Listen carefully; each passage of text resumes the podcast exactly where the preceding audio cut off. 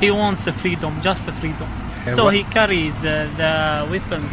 You saw the, uh, the weapon in his hand. This is his job. The battle uh, was happening uh, two days ago. They fell in an ambush.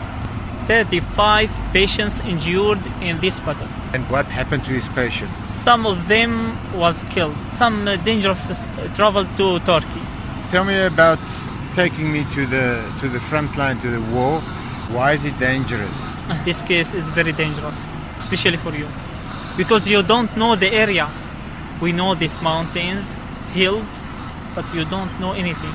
And the camera is it dangerous? Yes, Why? camera is very dangerous because Bashar Assad knows that this camera discover everything, every bad things that he did.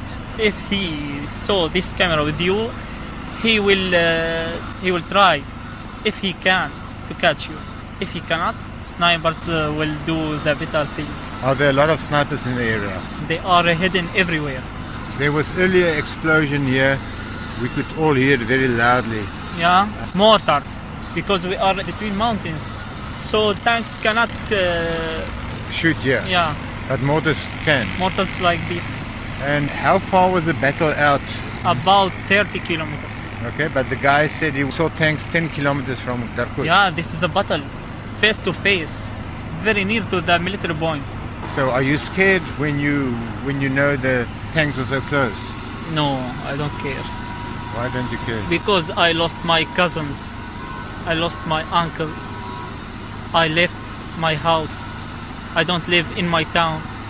You have a girlfriend, a wife. Of course, I have a girlfriend, and she's in my town, in Mohambil. Uh, Mohambil is a very beautiful uh, town, about 40 kilometers uh, from Darkush, and my girlfriend uh, is there. I can't go because I am wanted Is that area is it controlled by by Assad? soldiers, by soldiers of Bashar Assad.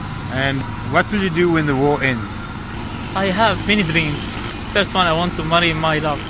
Yeah, Do you think it will happen soon? I hope so.